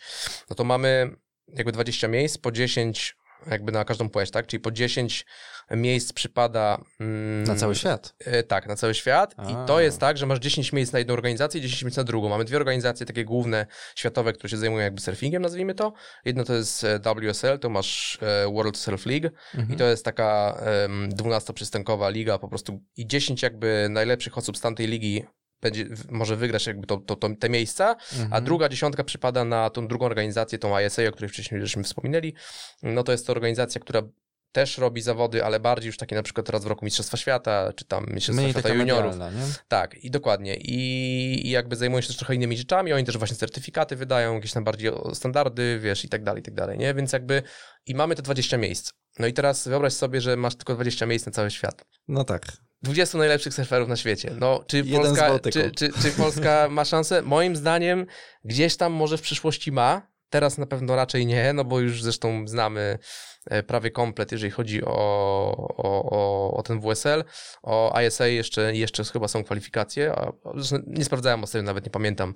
W każdym razie mm, kolejne mamy w Paryżu igrzyska e, i i tam e, zresztą będą rozgrywane na takim spocie, jednym z najgrubszej fali w ogóle na świecie, to jest to czołpu słynne, które e, potrafi być no, gigantyczne po prostu i to już Mhm. chyba fala, to, które wiesz, no, ludzie w kaskach tam pływają, Okej. no, pod spodem jest taka rafa, że po prostu no, Czyli będzie widowiskowo na pewno. widowiskowo. I wiesz, później mamy Paryż, później mamy chyba e, Los Angeles, z tego co pamiętam, w kolejnym jeszcze, e, czyli to będzie 2028.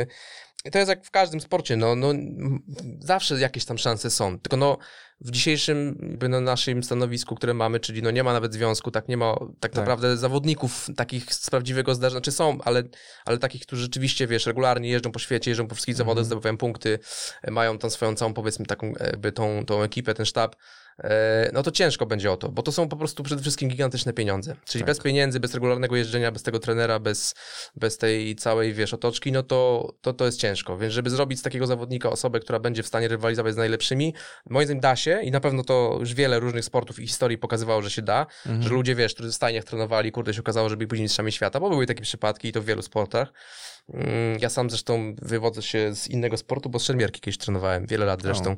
Więc gdzieś tam ze sportem jestem praktycznie od dziecka związany, więc gdzieś tam, wiesz, jakby śledzę różne, różne inne dyscypliny i, i patrzę, co się dzieje i naprawdę świat zna takie przypadki, że głowa mała, nie? Mhm. Natomiast no, w tym sporcie jest ciężko, nie? Jakby też największą barierą i problemem jest to, że u nas nie można na co dzień trenować, prawda? Tak. Jakby no Bałtyk niestety jest jaki jest i bez jeżdżenia regularnie na ocean z trenerem to jest praktycznie nie do zrobienia, ale Wszystko przyszłości się może zdarzyć. wszystko się może No tak, zdarzyć. największą barierą jest to, że trzeba zacząć od małego bardzo. A To- tutaj trzeba tak. jednak chodzić jeszcze do szkoły, więc jeżeli Dokładnie. ktoś mieszka na Hawajach, to będzie chodził do szkoły i po południu sobie wskoczy Oczywiście. na falę, no, u nas no tak no.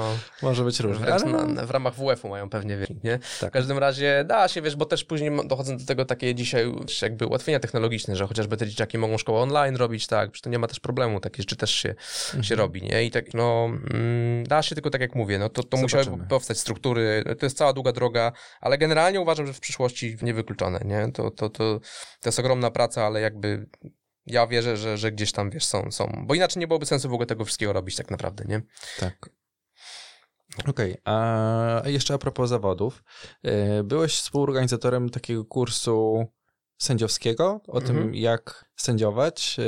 E, Też organizujesz zawody. Po- Powiedz coś o tym, bo to jest też e, takie dość ciekawe, bo z perspektywy takiego leika może się to wydawać, no, jak można sędziować zawody? No płyną na fali i co? I, i kto lepiej pływa? Tak, no wiesz co, e, tak, udało się taki kurs zorganizować. W sumie e, całkiem fajnie wyszło, bo też mieliśmy sporo chętnych. I to jest coś, co też chciałem zrobić od jakiegoś czasu, bo stwierdziłem, dobra, no zawody u nas się odbywają co roku, chociażby Mistrzostwa Polski, ale zawsze gdzieś tam brakowało tego takiego, no elementu tych takich standardów, takich z prawdziwego Mhm. zdarzenia, nie? Oczywiście jak zwykle, no zorganizować u nas też takiego nie jest łatwo, no bo trzeba znowu ściągnąć kogoś z zagranicy, tak, wiesz, zorganizować tych ludzi i tak dalej, jakąś tam salę, powiedzmy, to, to, to, to wszystko trzeba gdzieś tam spiąć. Udało się, przyjechał e, zresztą ten sam Hans, bo on też jest Mhm. od tego jakby, ma, ma takie uprawnienia i zrobiliśmy taki tutaj kurs, wyszło moim zdaniem super, ja sam też mega skorzystałem z tego, bo sam jakby też chciałem trochę też po prostu dla siebie to zorganizować i zrobić i mm, sędziowanie masz jakby, no, powiedzmy sobie w dużym uproszczeniu już teraz, masz kilka takich kluczowych elementów, czyli jakby oceniamy, co dany surfer robi na fali w danym momencie w, jakby w swoim hicie, tak? Czyli Mhm. hity są załóżmy tam, nie wiem, 20 czy 30 minutowe, siedzą na przykład, nie wiem, po dwóch, czy po trzech, czy po czterech czasami w jednym hicie, leci sobie ten czas, no i każdy odpala falę według jakichś tam, powiedzmy, priorytetów, nie? No i, i teraz za, zadaniem sędziów e, jest ich najczęściej pięciu, a czasami bywa mniej, albo mm, na przykład trzech, to zależy oczywiście od sytuacji różnych, ale raczej rekomenduje się, że powinno być pięciu, wtedy mamy tam, powiedzmy, Obiektywny. E, tak, dokładnie. Dwie skrajnie na przykład nam jakby punktacje odpadają i wtedy zresztą tam się jakoś liczy średnią. No, tam generalnie jest cała na to tam formuła. E, I jakby co jest oceniane? Masz, masz tak naprawdę taki, taki zestaw, oni to określają w ten sposób, że tak, po pierwsze oceniamy, e, takie są trzy jakby kluczowe czynniki, to jest speed, power and flow, czyli masz generalnie prędkość, e, jaką masz na fali, tak, bo jakby w ogóle z prędkości to się dużo rzeczy bierze, czyli na przykład jakie manewry będziesz robił, jak mocny te manewry będziesz robił, jak efektywne Mhm. i tak dalej. Power, no to to jest ten, to, ten generalnie taki faktor, czyli wiesz, gościu zakręca na górze fali i spray taki, wiesz, za, za Tak. falą, nie, leci. Im większy, im bardziej się to wszystko ten, to spektakularnie, tym po prostu jest większy power, albo, albo wiesz, jakaś, no nie wiem, dobrze wyjechana tuba i tak dalej. No, no generalnie to są takie, no, no po prostu im mocniejszy, im taki bardziej zaakcentowany ten trik będzie, to on będzie po prostu lepiej, wyżej punktowany. I flow to jest, to jest taki czynnik, który mówi o tym, jak łączymy, jak płynnie łączymy jakby przejścia między trikami. Czyli wykonamy Mhm. jeden trik i nie jest tak, że potem znowu płynę, płynę, płynę, drugi trik, płynę, płynę, płynę, trzeci, nie? Tylko tak, wiesz, pierwszy, upał, jeść drugi, kolejny jakiś ten trik i potem zaraz znowu coś innego zrobi, nie? I takiego, wiesz, takie płynne łączenie między tymi. Czyli masz trzy takie, powiedzmy, czynniki. Dru- kolejną rzeczą to jest jakby różnorodność trików w trakcie jednego przejazdu, czyli ile różnych od siebie trików jesteś w stanie wykonać, tym lepsza będzie punktacja, czyli takie po prostu Mhm. variety, nie? Czyli mamy, nie wiem, ktoś zrobi era, ro- zrobi tam jakiś e, cutbacka, jeszcze popłynie w tubie, no to w ogóle wow, nie? A jak ktoś będzie trzy razy pod rząd robił tego samego cutbacka albo jakiegoś tam, wiesz, jakiegoś snapa, no to, to na pewno będzie mniej punktowane, bo to jest w cudzysłowie oczywiście nudne, tak? W sensie, no i do tego dochodzą oczywiście e, takie rzeczy jak, co zresztą jest bardzo kluczowe, w którym miejscu na fali ty wykonasz manewr, czyli mamy falę, która się załamuje, ona będzie szła w lewą albo w prawą stronę, no to tak Okej, może na głos to ciężko zobrazować, ale postaram się to opisać w ten sposób, że jak fala się załamuje w jednym punkcie i ma tą jedną otwartą przestrzeń z jednej strony. I jak sobie surfer na tej otwartej przestrzeni płynie, to jak blisko on będzie manewr wykonywał tego punktu załamania fali, gdzie ona jest w tym swoim punkcie zawsze najwyższa i ma najwięcej energii. zjeść, nie? Dokładnie, w tym, w, tym, w tym miejscu, gdzie on ma najwięcej energii, jak surf- surfer będzie w tym obszarze wykonywał manewr, który z punktu widzenia jakby ryzyka tego, że on może na przykład tam upaść albo nie ukończyć triku, jeżeli go ukończy w tym miejscu, a nie w tym łagodnym takim powiedzmy rękawie fali, gdzie on tam sobie spokojnie płynie i tam sobie może pozakręcać, bo jest mniejsze ryzyko, że się wywróci, Mhm. no to jeżeli im bliżej tego punktu właśnie załamania fali będzie wykonywał manewry, to jest prawie, że na styku właśnie tej piany i tej otwartej jakby przestrzeni, no to im bliżej tego miejsca będzie wykonywał manewr i im lepiej go oczywiście zrobi, tym te, te punkty po prostu, wiesz, skyrocket, nie? One Mhm. lecą do góry, i, a tam już, wiesz, po 7-8 punktów potrafią liczyć za czasami jeden zakręt, który jest po prostu w tak krytycznym miejscu wykonany, że Mhm. w ogóle, wiesz, no wow, nie? I wszyscy w ogóle na plaży, w ogóle, wiesz, szczena w dół, nie? Czasami to są w ogóle zaprzeczenia, wiesz, wszelkich praw fizyki, grawitacji i tak dalej, co ci ludzie potrafią robić i to właśnie w tym miejscu, czyli na, gdzie fala ma najwięcej mocy i tak jakby to jest też oceniane i to jest taki bardzo kluczowy faktor, czyli gdzie jest najwięcej tego ryzyka i gdzie o, ten surfer stwierdzi, dobra, ja tu zaryzykuję, zrobię ten manewr, ukończę go, pojadę dalej, jeszcze zrobię dwa fajne manewry, połączę je, no to w ogóle, wiesz, największa punktacja, nie? Czyli tak, ale to jest też ciekawe, bo są spoty, gdzie na przykład dużą, to też właśnie zresztą zależy od spotu, bo są spoty, które są spotami takimi, gdzie takie manewry się głównie wykonuje, ale są na przykład takie spoty, gdzie w zasadzie jedyną rzeczą, którą się ocenia, to są tuby. Czyli to jest tuba i to jest w ogóle, że to, że wjedziesz, wyjedziesz z nią, z tą czystą, czyli jak głęboko na przykład tam Mhm. jesteś, ile tam czasu spędziłeś e, i tak dalej. I, I są spoty, gdzie na przykład głównie się w zasadzie tuby ocenia. Są też spoty, gdzie na przykład najwięcej punktów będą miały ery, wszystkie rewolucje ponad falą, wyskakiwanie, tak? Więc dużo zależy od tego, gdzie pływamy.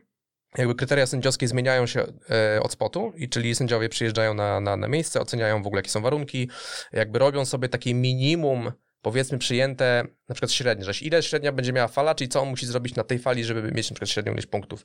No to patrzeć, jakie są warunki, jakie są fale, czy duże, czy małe, czy się tubują, czy się nie tubują, czy dają ci możliwość zrobienia właśnie jakiegoś, jakiegoś tam aeriala, czy, czy jakiegoś innego triku i sobie ustalają taką skalę, Mhm. i gdzieś tam potem, oczywiście warunki w ciągu dnia też się zmieniają, więc oni też się dostosowują, prawda? Ale tak jak mówię, są, są na przykład zawody, gdzie, gdzie, gdzie na wspomnianej zresztą wcześniej fali czołpu, gdzie, gdzie po prostu wiesz, jakby tuba to jest jedyna rzecz, którą możesz zrobić. Tam żadne triki nie mają znaczenia i sensu, bo, bo to jakby nie jest spot na triki. Nie? Tak, więc tak. to jest jakby, więc te kryteria są bardzo szerokie, ale, ale są mocno sprecyzowane. Tego ten kurs też nam fajnie pokazał, jak to i wiesz, jakby tak no fajnie, fajnie nam to wiedzę jakby skondensował, bo też był, to był jedn- jednodniowy kurs, nie? Ale Mhm. jakby dużo nam też pokazał takiego Dużo właśnie wiedzy. tej praktycznej wiedzy, no. Ja też ciekawe, co powiedziałeś, bo jest taka gra na, na telefon. Jest, E, tak. I teraz już będę wiedział, jak, jak, jak grać, żeby mieć więcej punktów. Dokładnie, w którym No. miejscu na fali robisz te manewry, będziesz miał same dziesiątki, zobaczysz. Tak, tak, tak, tak. A organizacja zawodów, bo y, robisz zawody, które się nazywają Cold Water Jam. Onil Cold Water Jam, dokładnie, robimy Mhm. to też zresztą z Krzyśkiem wspólnie, e, jeszcze, z jeszcze z trzecim Krzyśkiem z Onila, trio Krzyśków się zebrało. I wiesz co, zorganizowaliśmy pierwsze zawody w Górkach Zachodnich e, parę lat temu, to był, już teraz nie pamiętam, dwa, trzy lata temu. Super w ogóle nam to wyszło, powiem ci, jedne z najlepszych zawodów, jakie nam się udało to zorganizować. Myśmy, trafiliśmy w taką prognozę, że po prostu pff, petarda, słuchaj, cały Ale dzień. zimą, nie? Tak, znaczy, bo, no tak, no w zasadzie, mo, może właśnie o tym nie wspomniałem, to są zimowe zawody, bo akurat inna ekipa robi zawody e, Mistrzostwa Polski oficjalne jakby w surfingu.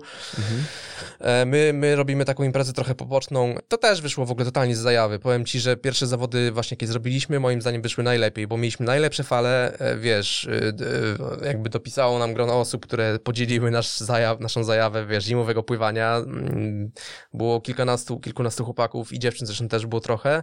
I udało się zorganizować właśnie w górkach, gdzie byśmy cały słuchaj, dzień non-stop popowały równiutkie, piękne fale, no coś niezapomnianego i coś, co się u nas bardzo rzadko zdarza, bo często jest tak, że jak przychodzi warun, taki powiedzmy, no w miarę okej do pływania, to najczęściej wiesz, na przykład, no nie wiem, albo tylko rano się zdarza i potem gaśnie, albo na przykład rozkręca się od rana, jest dopiero na wieczór Mhm. i wiesz, strasznie u nas ciężko trafić w dobrą prognozę, nie? I taką, że po prostu wiesz, od rana do wieczora pompują super fale i to nam się wtedy udało. My przyjechaliśmy, myśmy słuchaj, odśwież, odśwież, odśwież, codziennie, wiesz, stronę, żeśmy przeglądali z, wiesz, z prognozami, non-stop tylko odświeżaliśmy prognozy kilka dni przed, żeby tylko, wiesz, modliliśmy się, żeby ta prognoza się utrzymała i faktycznie wjechało i było no tak grubo. Fale niesamowite, chłopaki tam pokazywali naprawdę takie manewry, zresztą dziewczyny też fajnie pływały i, i no ogólnie zawody wyszły petarda. Fakt, że na dworzu było blisko zera, Tak. woda miała chyba, nie wiem, tam z 2 czy 3 stopnie, ale jakby nie przeszkodziło to ludziom jakby w tym, żeby rywalizować i gdzieś tam się dobrze bawić. Mieliśmy taki, wiesz, grzybek ogrzewający, normalnie, słuchaj, no No, publiczność też była, nie? Tak, publiczność była, no niesamowita, wiesz, zabawa była, nie? I potem wszyscy, wiesz, żeśmy się zebrali, jeszcze tam wręczenie nagród i tak dalej, no petarda, słuchaj, nie? Także fajnie wyszło. Drugie zawody zorganizowaliśmy w, e, w, we Wołdosowowie, to było em, już rok później. Mhm. Też oczywiście podobnie wyszło, tylko że trochę nam się poprzesuwało, bo, bo to zrobiliśmy chyba w czerwcu. Ale woda jeszcze była zimna, bo pływali Okej. ludzie w kapturach, w, w rękawiczkach i w butach, więc powiedzmy, że był to cold water, chociaż już taki mocno naciągany. Mhm. Ale też wyszło fajnie, chociaż słoneczko takie świeciło, tam można było, wiesz, się opalać. Natomiast, e, no właśnie to jest jakby największy u nas bolączka i trudność. Znaleźć po prostu jeden pełny dzień z falą, taki, że rozegrasz zawody i chłopaków, i dziewczyn w ciągu jednego dnia. To jest moim zdaniem największe wyzwanie, Mm, bo już tam pomijam oczywiście wszelkie sponsorskie aspekty, no bo tam akurat na to trochę nałożyliśmy, znaczy wiesz, nagrody mieliśmy super, moim zdaniem wszyscy jakby dopisali, e, ale jakby mniejszy nacisk kładliśmy na to, bardziej chodziło nam o to, żeby zrobić porządne zawody na porządnych falach, żeby każdy mógł się wykazać, żeby, Mhm. wiesz, móc ich fajnie ocenić i tak dalej, nie? I tak jakby to się udało. W tym roku mieliśmy robić trzecią edycję. Na razie za dużo było po drodze jakichś różnych potknięć, żebyś to zrobić. Trochę żałuję, bo, znaczy mamy to z tyłu głowy, żeby to jednak cały czas zrobić e, i mam nadzieję, że to się w końcu wydarzy, bo mm, jakby wszystko już mamy praktycznie przygotowane, no bo jakby e, te dwa lata, te, te, te, dwie- te dwie imprezy wstecz nam dużo jakby pokazały, jak, jak w sumie łatwo to można zorganizować i praktycznie w ciągu jednego dnia. Mhm. E, Natomiast największym wciąż wyzwaniem to są, to są faktycznie prognozy, nie? Czyli trafić jeden dobry dzień, gdzie od rana jest po prostu, wiesz, petarda i jeszcze, no, dużym oczywiście minusem w ciągu, w ogóle w zimie jest to, że dni są krótkie, nie? Czyli Tak. wiesz, wtedy to byliśmy tam na sztywno wszyscy umówieni o ósmej, okej, zawodnicy się stawili, wiesz, rozgrywamy zawody, te hity oczywiście trwają, wiesz, tam po 20 minut czy pół godziny, no to wiesz, trochę to wszystko jakby w ciągu dnia trwa, nie? Ostatni hit już się rozgrywał tak, jak już było ciemnawo, znaczy Mhm. nie było ciemno, ale już się widać było, że się dzień kończył, więc tak na, na styk, nie? ilu Więc jest to też, to, zawodników w Polsce? jeszcze raz? Ile jest, ilu jest zawodników w Polsce? Tak naprawdę, znaczy, wiesz, pojęcie zawodnik, no bo Znaczy takich, takich osób, które, które No. chcą wystartować. Czasami wiadomo, że ta liczba miejsc jest ograniczona, ale tak mniej więcej ile w Myśl- takich zawodach w Polsce startuje? Znaczy, w, w, inaczej, w Polsce to tak naprawdę, wiesz, to jest już teraz, nie wiem, rok, rok jak są zawody, to jest kilkadziesiąt, no, może nie dziesiąt, no nie wiem, dwa, między 20 a 30 osób, czasami Mhm. mniej, czasami więcej, Mhm. bo to tam różne lata pokazywały różnie. Mm, Natomiast jeżeli mówimy o takich zawodnikach, którzy startują gdzieś tam na, za granicą najczęściej, jeżdżą na, na, na takie zawody międzynarodowe, no to to już mamy liczbę mocno ograniczoną, bo to w zasadzie mamy dwóch młodych chłopaków, Kubę i, i Maxa, e, których też pozdrawiam, jakby słuchali. E, jeszcze jakiś czas temu Karolina e, Wolińska jeździła też na różne zawody, nie wiem czy dalej w sumie jeździ, natomiast generalnie zawodników, którzy startują w Polsce na pewno jest więcej, no bo to jest, wiesz, to jest u nas, każdy może przyjechać, to jest taka formuła open, nie ma jakiejś tam, wiesz, ani kwalifikacji, ani nic, więc w zasadzie e, jakby każdy może, ale takich stricte zawodników, takich, nazwijmy to z prawdziwego zdarzenia, którzy rzeczywiście jeżdżą po świecie, no to mamy obecnie dwóch, którzy faktycznie startują w, w zawodach rangi tej WSL li- ligi, no tej takiej powiedzmy drugiej ligi, czy to jest tam e, WQS, to jest tak seria jakby kwalifikacyjna, jeżeli tam się zakwalifikujesz, To przechodzi. to przechodzi do tej wyższej tam e, ligi już tej powiedzmy właściwej, tak? Także oni jeżdżą takie zawody, więc, więc jakby jeżeli tak rozgraniczamy, no to, no to mamy faktycznie dwóch młodych chłopaków, którzy, którzy tam regularnie gdzieś tam startują. Jest jeszcze Adaś, który siedzi mm, e, na Wyspach Kanaryjskich. On nie mieszka w Polsce, ale ale też gdzieś też tam startuje z tego, co się rentuje. Natomiast, no widzisz, to jest to mniej więcej, co moim marzeniem było to, żeby związek mógł tą liczbę, wiesz, podwoić, potroić albo jeszcze więcej. Mhm. No ale no wiadomo, tak, do tego wszystko są potrzebne, wiesz, czas, pieniądze i tak dalej, więc zobaczymy. Natomiast na chwilę obecną w Polsce, jak, jak, jak są zawody, to faktycznie, czy na tych naszych zawodach, czy na tych mistrzostwach polskich, no to du dużo jest chętnych, nie? Tak jakby tutaj widać, że ludzie chcą tego, że, że, to, i że to im pasuje i taka formuła i to im się podoba i dlatego fajnie byłoby móc organizować to częściej, bo to jest super zabawa w ogóle, wiesz, cały dzień, wszyscy, wiesz, te piątki zbijają, no generalnie uśmiechy, wiesz, dużo pływania, Tak. dużo fajnej akcji, e, super sprawa, nie? Więc jakby fajnie jakby się udało to gdzieś tam rozkręcić, nie? I, i, I tak jak mówię, chcieliśmy zrobić trzecie zawody, zobaczymy, czy to się uda. Mam nadzieję, że jeszcze tak, jeszcze jest zimno póki co, ale w sumie już wiosna, ale no w tej zimie praktycznie i tak nie było, Tak. śniegu to ja nie widziałem. No i dzień już jest dzień. dłuższy, nie? No i dzień jest dłuższy trochę, więc no zobaczymy. Może, może, może jeszcze, jak, a chociaż teraz z tym całymi tymi to się dzieje, to, to zobaczymy. Natomiast plany są i mamy, mamy chęci robić to dalej, nie? Bo to jest, mówię, super, Super. zabawa, super fan, e, wiesz, zawodnicy dopisują i myślę, że warto. Mhm. A wspomniałeś o prognozach i chyba jesteś też współzałożycielem e, ko- kolej, ko- ko- kolejnego, dość dużego tak naprawdę e, tematu, bo robicie swoją prognozę pogody, która jest troszeczkę inna.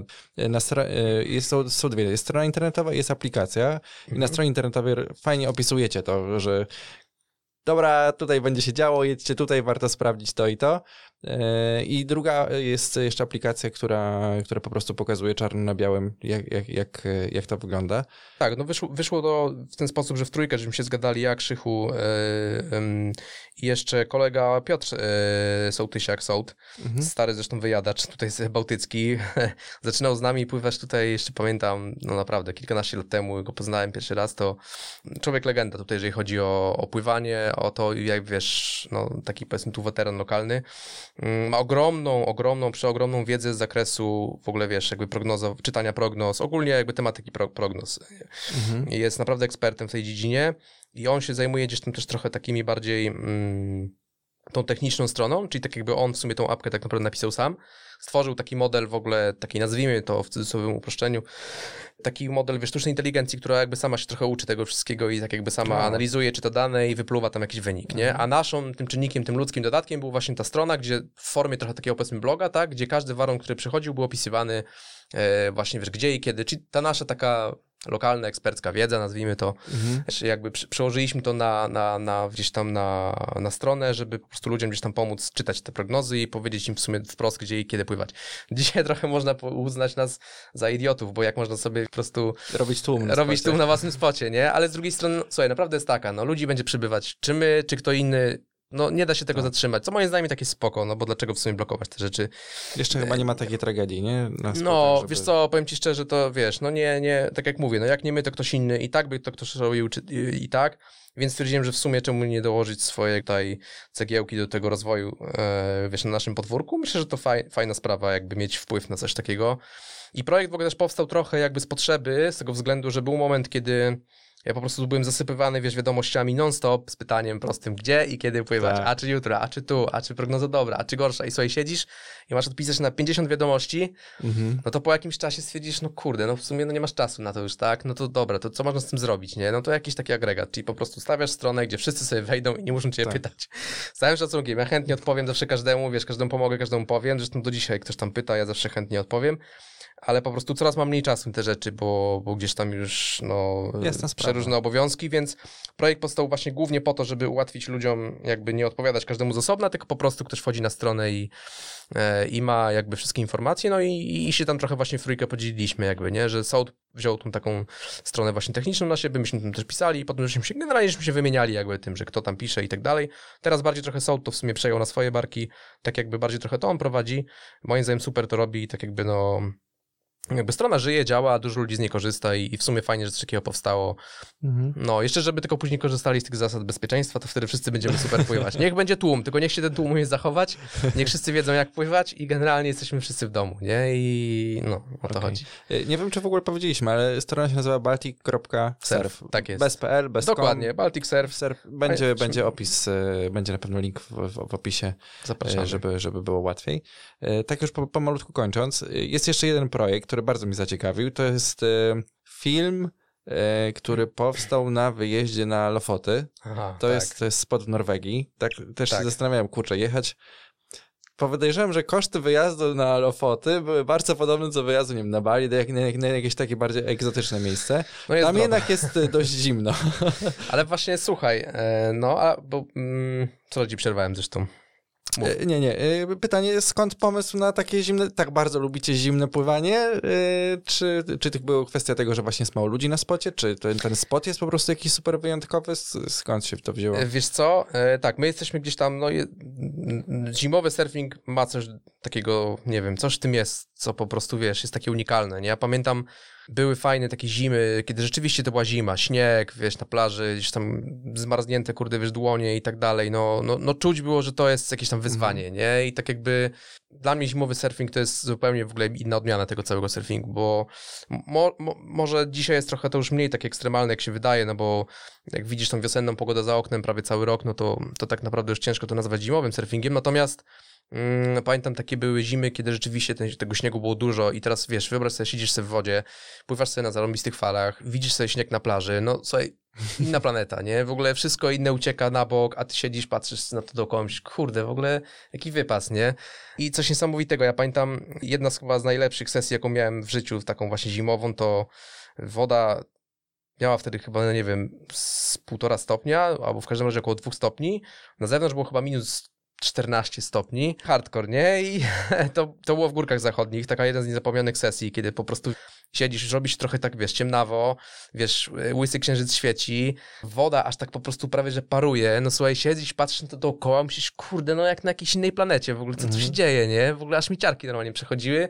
Jeszcze do tego super fale, tam jeszcze paru, paru ziomków z nami pływało, no coś niesamowitego, słuchaj, to są takie wrażenia, że to ciężko w ogóle opisać, to jest dla, moim zdaniem jest nie do porównania pływaniem w shortach gdzieś tam, wiesz, w jakimś fajnym, ciepłym kraju z, z 30 ludźmi, czy tam ze 100 ludźmi dookoła, nie? I coś takiego to są zupełnie inne doznania, nie? Możesz się na maksa wyciszyć, w ogóle skorzystać z, te, z tych doznań, w ogóle z tego, co się dzieje, z tej otoczki, no magia, po prostu sobie magia. I, i, i gdzieś tam, no pływamy oczywiście cały rok, tam wiadomo, dzisiaj to sprzęt już jest w ogóle taki, że słuchaj, grzejesz się w tych piankach, jest po prostu gorąco, nie? Ja już teraz Mhm. nawet nie pamiętam, żeby mi było po prostu jakikolwiek dzień zimno, nie? Mimo, że nawet woda potrafi rzeczywiście być tam koło tych wzruszeń 2 stopni, no to generalnie podczas takiej sesji jest mega ciepło, a kiedyś to się, wiesz, ja miałem piankę 7 mm chyba najgrubszą jaką miałem, a byli tacy, co mieli sobie dwie pianki na sobie. Ale to już krępuje dość mocno, nie? No tak, ale wiesz, kiedyś nie było też takiego dobrego sprzętu, nie? Tak. I, wiesz, i byli tacy, co właśnie dwie pianki na sobie, jakieś tu rękawice poobwijane swoimi taśmami. Mhm. No wiesz, hardcore, nie? I, no I w każdym razie mm, ten zimowy surfing gdzieś tam był zawsze i był fajny i był ciekawy. No i po, pomysł na projekt e, też powstał jakby no też tak trochę w sumie spontanicznie, ale stwierdziliśmy, dobra, w sumie fajnie byłoby zrobić coś takiego, że jakby wiesz, znaleźć gdzieś miejsce, bo, bo w ogóle na świecie mało jest takich miejsc, gdzie masz tak, zimne, tak zimną wodę i że możesz na nich jeszcze, na tych falach możesz pływać. Polska Mhm. moim zdaniem jest jednym z nielicznych tak naprawdę krajów na świecie, gdzie możesz to w ogóle robić, nie? Czyli, że i, słuchaj, pojechaliśmy na tą Islandię, jakby trochę z takim, takie, wiesz, przesłanie było, że idziemy szukać, wiesz, jakby zimniejszego miejsca niż Bałtyk, gdzie można pływać, nie? Taki ten, stwierdziliśmy, dobra, Lofoty, na pewno zimno, na pewno, wiesz, fajne klify, śnieg, wszystko tego, okej, zgadza się, nie? Jedziemy. Pojechaliśmy, wysiadamy z promu już tam po tych wszystkich lotach, faktycznie, wiesz, mnóstwo śniegu dookoła, kurde, będzie grubo, nie? Tam, wiesz, zawiecie, śnieżyca, wszystko. Dojeżdżamy na miejsce, budzimy się rano, fajne słoneczko, nie? W ogóle, wiesz, w sumie tak całkiem ciepło. Poszliśmy, wiesz, na pierwszą sesję do wody. W sumie to, kurde, zarąbiście ciepło. Znaczy, widzieliśmy oczywiście w prognozach wcześniej i to jakby to, to nie jest jakiś tam tajemnica, no bo tam są te prądy zatokowe i woda generalnie tam nie spada poniżej 6 stopni pewnie wody, yy, tak. I, I wiesz, i gdzieś tam pojechaliśmy jakby sprawdzić i faktycznie się okazało, że no no mega ciepło, nie? Nie no, ma tragedii. Cie, cie, no nie ma tragedii, generalnie wiesz, no super. W ogóle pomijam, jak tam jest przepięknie, jakie tam są w ogóle super fale, jak to jest, w ogóle spot jest o tyle fajny, że to jest jedna mała wioseczka, gdzie masz kilka domków na krzyż i, i tak naprawdę, wiesz, no fale światowej klasy, nie? I zaledwie paru surferów, także tam, no petarda, myśmy tam siedzieli przez tydzień, pływaliśmy prawie codziennie, no słuchaj, niezapomniana przygoda. Pomijam takie rzeczy, jak zobaczyć zorze czy coś, bo to w ogóle, wiesz, możesz się patrzeć przez trzy godziny w to i po prostu jak zaczarowany, nie? No doznania niesamowite, e, super, super projekt, super ludzie w ogóle, którzy jakby to współtworzyli, e, bo właśnie byliśmy z Kubą, z Krzyśkiem, jeszcze z takim operatorem kamery Łukaszem Balińskim i oczywiście e, nie obyłoby się to bez Izy z z Ergo Hesti, która nam jakby tu pomogła wszystko, wiesz, zorganizować i by była też powiedzmy takim, no matką projektu. I wszystko, wszystko się spięło w super sprawę, super projekt, super film powstał, a w ogóle mm, najlepsze jeszcze później było to, że zorganizowaliśmy taką premierę filmu w Starym Manerzu, gdzie przyszło no to Mhm. chyba, nie wiem, z 300 osób czy ileś, wiesz, Wow. cały w ogóle mega event się z tego zrobił, no, wynajęliśmy całą tam salę, wiesz, normalnie puściliśmy, wiesz, film, e, no petarda, w ogóle, no projekt, marzenie, w sensie, no wyszło coś super, E, Później zrobiliśmy jeszcze drugi trochę podobny projekt na Islandii, e, tam dla innej marki La Surfing. Mhm. Em, zrobiliśmy podobny projekt, też było super. Gdzieś tam fajnie byłoby to kontynuować, w sensie no, szukać tych miejsc zimniejszych niż Bałtyk. E, fajnie by zrobić z tego gdzieś może jakąś taką, wiesz, regularną serię, zobaczymy. Są już jakieś plany na następne? Wiesz wyjazdy? co, no plany są, tylko gorzej z funduszami. Brakuje sponsorów. Jeżeli są chętni i słuchają, to zapraszamy. Tak. E, nie, wiesz co, temat, temat tyle ciężki rzeczywiście, no bez jakiegoś tam, bo to są strasznie duże koszty, nie? Taka Norwegia jest mega droga. Ja patrzyłem gdzie, gdzie są te lafoty, to tak. Tak. Ja nie miałem pomysłu, jak tam się to je. Tam No. jest jedna chyba droga. Tak, Ej. znaczy wiesz co, o ile teraz trochę łatwiej, bo w zasadzie masz dwa loty tylko i tam jeszcze jeden prom, który musisz tam przepłynąć, więc nie jest tak źle. Powiem ci, to był, nie wiem, no w sumie cały dzień podróży oczywiście, ale, ale mm, wydawałoby się, że to jest drugi koniec świata, ale tak naprawdę, jeżeli chodzi o transport, nie było, nie było tragedii. To jest całkiem dobrze skomunikowane, ale no to już jest praktycznie, wiesz, no, za kołem podbiegunowym, więc tak jakby no daleko, nie? Tak. A, ale ten, no mówię, magiczna wyspa i po prostu coś niesamowitego, nie? Więc e, no ekipa jest warta gotowa, jakby coś tam się, wiesz, no zobaczymy, będziemy myśleć, natomiast e, to już bardziej pieśń przyszłości może, nie? Jasne. Tak podsumowując, masz ogromne doświadczenie, tak jak, tak jak słyszeliśmy. Czy masz jakiś taki jeden lifehack, e, jakiś taki protip dla, dla, dla, dla słuchaczy, co mogliby wdrożyć w swoim pływaniu? Mm, nie wiem, wydaje mi się, że chyba powiem w ten sposób.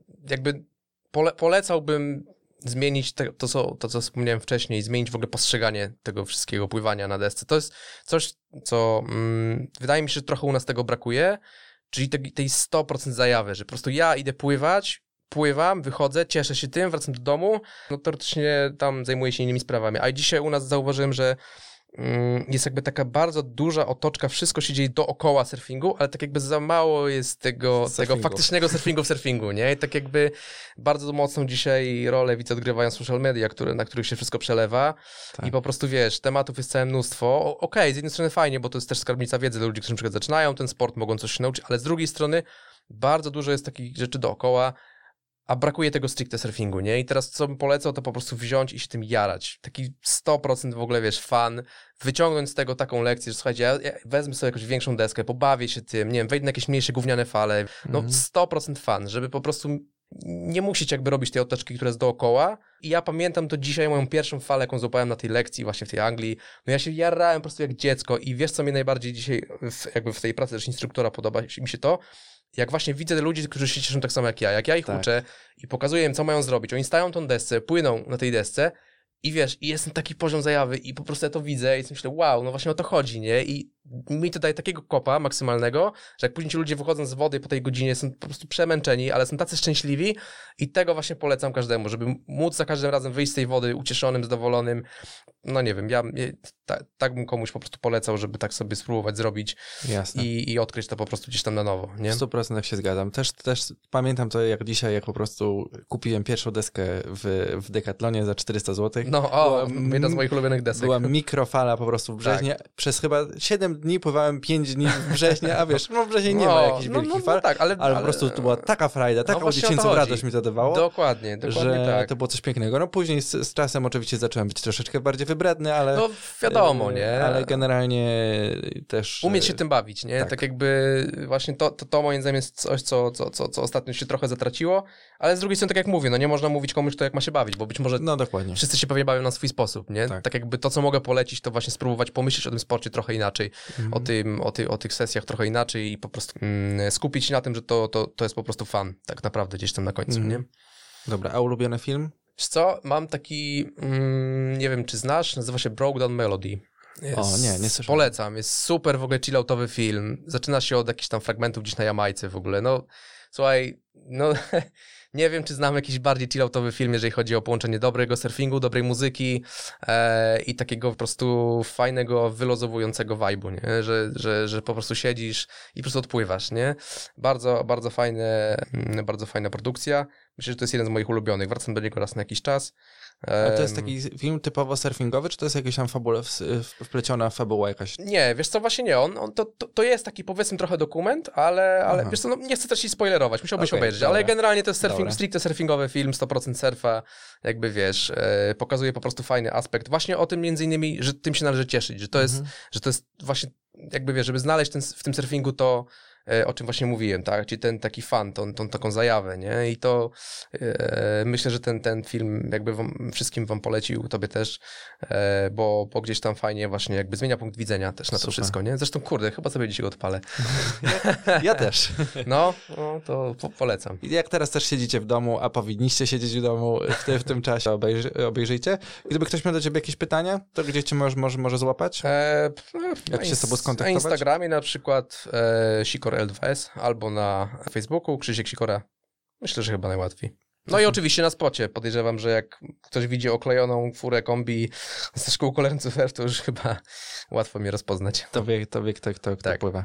Super, bardzo dziękuję. Życzę ci przede wszystkim e, tego, żeby się odbyły zawody kolejne i dalszych realizacji e, swoich planów związanych również z tym, e, z Polskim Związkiem Surfingu i wszystkiego, wszystkiego, wszystkiego dobrego. Bardzo ci dziękuję za, za, za tą rozmowę. Dzięki również, bardzo fajnie, że w ogóle zacząłeś ten projekt i, i też cieszę się, że mogłem być gościem. No i mam nadzieję, że, że kolejne odcinki będą równie fajne. Super, mam nadzieję, że Wam też się podobało i zapraszam Was do przesłuchania kolejnych odcinków i tych poprzednich, jeżeli któryś przegapiliście. Jeżeli Wam się ta tematyka podoba, zasubskrybujcie kanał, da mi to ogromną motywację do nagrywania kolejnych odcinków, a tymczasem do usłyszenia wkrótce. Cześć!